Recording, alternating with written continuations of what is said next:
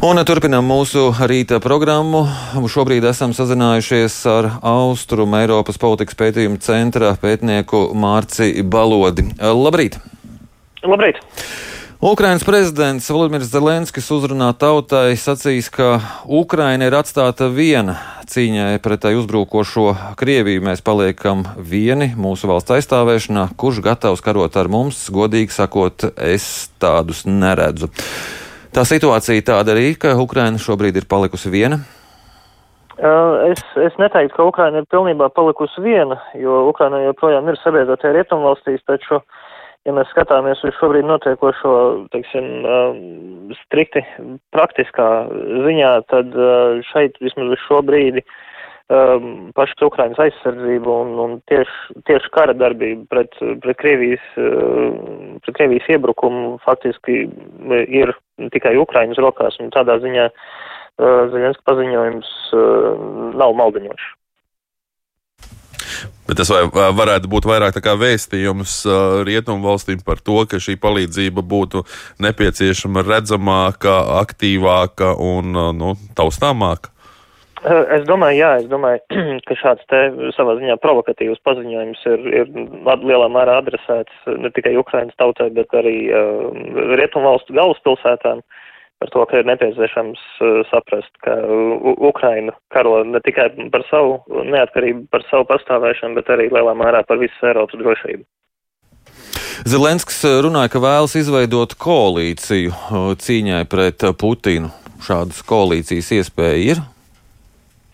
Es domāju, jo diplomātiskā izteiksmē šādas koalīcijas pastāvēšana, izveidošana un pastāvēšana e, ir, ir iespējama, taču es domāju, joprojām, diemžēl, bet joprojām rietumvalstīs, ir tīpaši e, at, atsevišķās valstīs, um, pastāv, teiksim, gana piesardzīga attieksme par to, kā veidot attiecības ar Krieviju pat šādos apstākļos, un uh, attiecīgi, pat, pat ja tiek izveidota šāda te uh, pret Putina koalīcija, uh, tad, attiecīgi, arī, protams, veidojas jautājums par to, um, par to, ko šāda koalīcija būtu spējīga darīt, un vai tas, uh, vai tas būtu strikt diplomātisks formāts, kur apmainīties ar informāciju, un ka tas drīzāk netiktu īstenots kā, kā, kā plaša, teiksim, alianse Ukrainas atbalstam un palīdzībai kara situācijā. Bet kas ir šo bažu pamatā rietumvalstīm? Um, Rietumvalstis uh, apzinās uh, to, ka tās pašas ir cieši saistītas ar Krieviju. Uh, visbiežāk, jo primāri tā ir ekonomiska sasaiste. Es domāju, šeit uh, zināmākais piemērs ir tie paši Krievijas energoresursi. Uh, un, attiecīgi, uh, jebkāda vēršanās pret Krieviju asa uh, var, var izsaukt, uh, var izsaukt pretreakciju pašās Eiropas valstīs. Es domāju, šeit zināmā mērā ir jāņem vērā arī uh, Eiropas, īpaši Rietumvalstu uh, vēsture. Uh, un kur, kur ir veidojusies pēc izpratnes, ka no kara no, no konfrontācijas, bruņos konfrontācijas lielā mērā nepieciešams izvairīties un problēmas ir iespējams risināt diplomātiski sadarbības ceļā. Taču, diemžēl, pēc mūsdienu Krievijai šāda pieeja ir, ir diametrāli pretēji. Krievija lielā mērā tieši rēķinās un, un, un pārbauda rietumvalstu gatavību vispār iestāties par saviem principiem. Uh, Jo, diemžēl, bet arī pagātnē ir bijis gan daudz gadījumu, kad Krievijas, uz Krievijas provokācijām Rietumvalstis ir atbildējušas ar, ar piekāpību, ar, ar samierniecisku pieeju, kas zināmā mērā tomēr arī veicina Krievijas, uh, Krievijas gatavību provocēt arī turpmāk.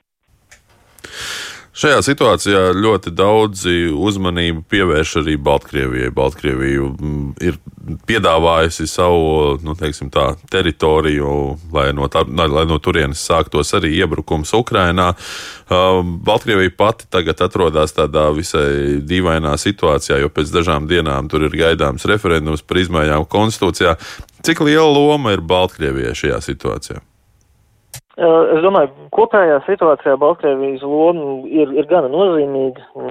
Kā nu pats jau minēja, Baltkrievija ir faktiski, tiek burtiski izmantot kā platzarms Krievijas bruņotajiem spēkiem. Un līdz ar to tādā ziņā ir apstiprinājušās jau, jau iepriekš izskanējušas bažas par to, ka Baltkrievijas ar vien ciešāka nonākšana Kremļa apskāvienos nozīmē arī Krievijas militāro klātbūtni, kas attiecīgi rada, rada risks visam reģionam. Uh, attiecībā uz, uz uh, drīzumā gaidā, gaidāmo uh, referendumu Baltkrievijā paši varas iestādes apgalvo, ka ka viss norit pēc plāna. Pirms pāris dienām arī uzsākt jau priekšlaicīgā balsošana, taču, saprotams, um, pašlaik notiekošais karš var viest savas korekcijas. Nav arī iespējams īsti izslēgt, ka Lukašenko var, var paziņot, ka nācijas, respektīvi Baltkrievijas drošības vārdā referendums tiek atlikts vai, vai kā citādi iesaldēts, jo viņam esot jāsteidz glābt valsti.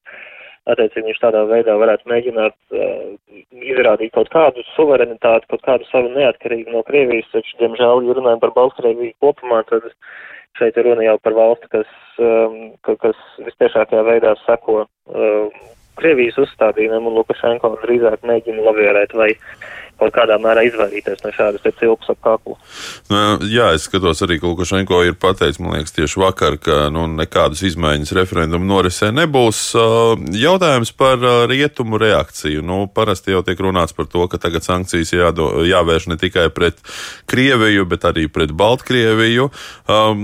Kā tu vērtē to, ka nu, tomēr pietiekami lēni tas notiek. Un tagad arī Baltkrievijas scenārijs kā gandrīz vai ir jā, jādomā no jauna. Vai tiešām rietumi neprognozēja šādu iznākumu, vai negribēja pieļaut, vai baidījās pieļaut?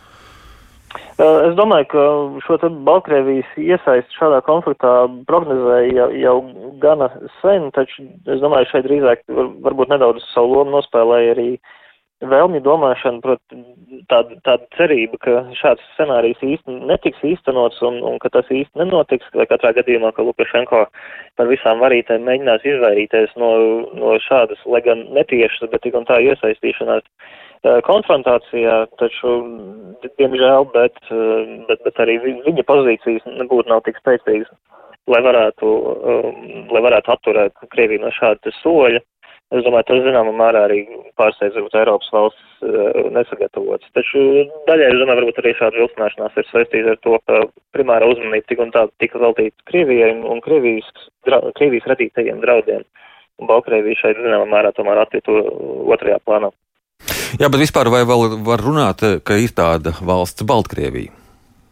Uh, jā, tas, tas ir ļoti trāpīgs jautājums, ja mēs runājam par, par Baltkrieviju, par, it īpaši par Baltkrievijas ārpolitiku, drošības politiku un, un šādiem te um, galvenajiem politiskiem uzstādījumiem, tad šeit mums faktiski runa par, par Krievijas, par Krievijas vasali, faktiski. Uh, saprotams, Baltkrievijai pastāv vēl ierobežota neatkarība un arī Lukašenko mēģina to dažādos veidos vēl demonstrēt, taču it īpaši šādās te krīzes situācijās.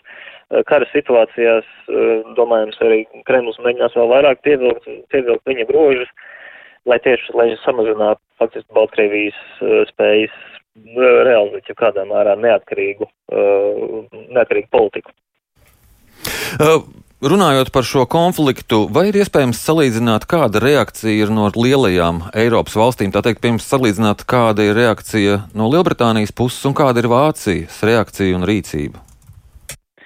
Es domāju, ja mēs paraugāmies uz, uz rietumvalstu reakciju kopumā, tad es domāju, būtu vērts atzīmēt pozitīvu tendenci, proti, ka um, pateicot, zinām, pēdiņās izsakoties, pateicoties Krievijas ārpolitiskajai agresijai jau kopš 2008. gada Eiropas valsts ir pakāpeniski uh, arvien vairāk sagatavots, varbūt arvien mazāk pārsteigts par šādu Krievijas soli, un es domāju, arī tas cik, cik ātri izdevās sankcijas, uh, ir izdevies šobrīd sankcijas pieņemt.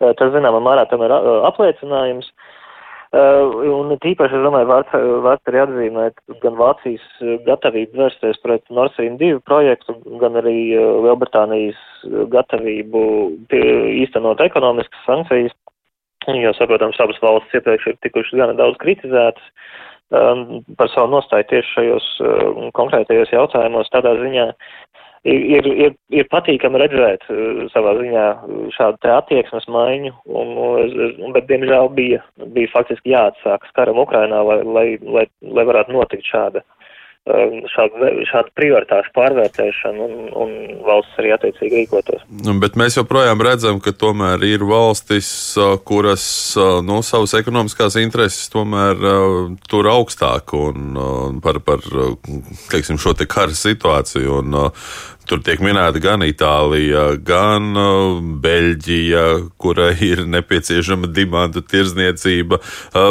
Tomēr, nu, kā arī ASV prezidents Baidens ir teicis, ka tieši dažu Eiropas valstu nostājas dēļ Krieviju nevar atslēgt no SWIFT sistēmas. Nu, vai ir gaidāms, ka kaut kas mainīsies Eiropas domāšanā šajā veidā? Uh, es domāju, uh, ar laiku, ar laiku noteikti mainīsies, taču šobrīd, saprotams, jautājums par to, cik ātri, un es domāju, šeit uh, būtu jāpieliek arī savā ziņā diplomātisks pūls skaidrot visām, visām Eiropas valstīm, tīpaši tām, kas atrodas aizvien tālāk no, no Ukrainas, par to, kādu, ka, ko ir nepieciešams darīt attiecībā ar Krieviju un ka pret Krieviju ir nepieciešams vērsties vienotā veidā un ir, jā, un ir jā, ne tikai jāmeklē, bet arī jāizmanto pašas, um, pašas Krievijas um, ievainojumības. Un, jā, kā jau norādīt, diemžēl, bet joprojām pat šādā situācijā uh, pastāv valsts, kurām uh, ekonomiskās intereses un, iespējams, arī ekonomiskais lobbyis ir, ir, ir pārāks par, um, par nepieciešamību atbalstīt Ukrainu. Bet eh, šīs eh, ekonomiskais jautājums tad ir primārais, eh, un jautājums, vai ir arī bailes no Putina draudiem par kodolieroču izmantošanu, ja kāds kaut ko ies palīgā Ukrainai? Um, es pilnībā pieņem, pieļauju, ka šādas bažas pastāv, taču, taču tādā gadījumā es domāju, ka šis jautājums arī tiktu vairāk aktualizēts, tiksim, NATO formātā. Es, es šaubos, ka, ka vēlēšanās saglabāt dimantu tirgu atvērtu um, būtu, teiksim, izmantojams kā arguments tam, lai izvairītos no kodolieroču izmantošanas.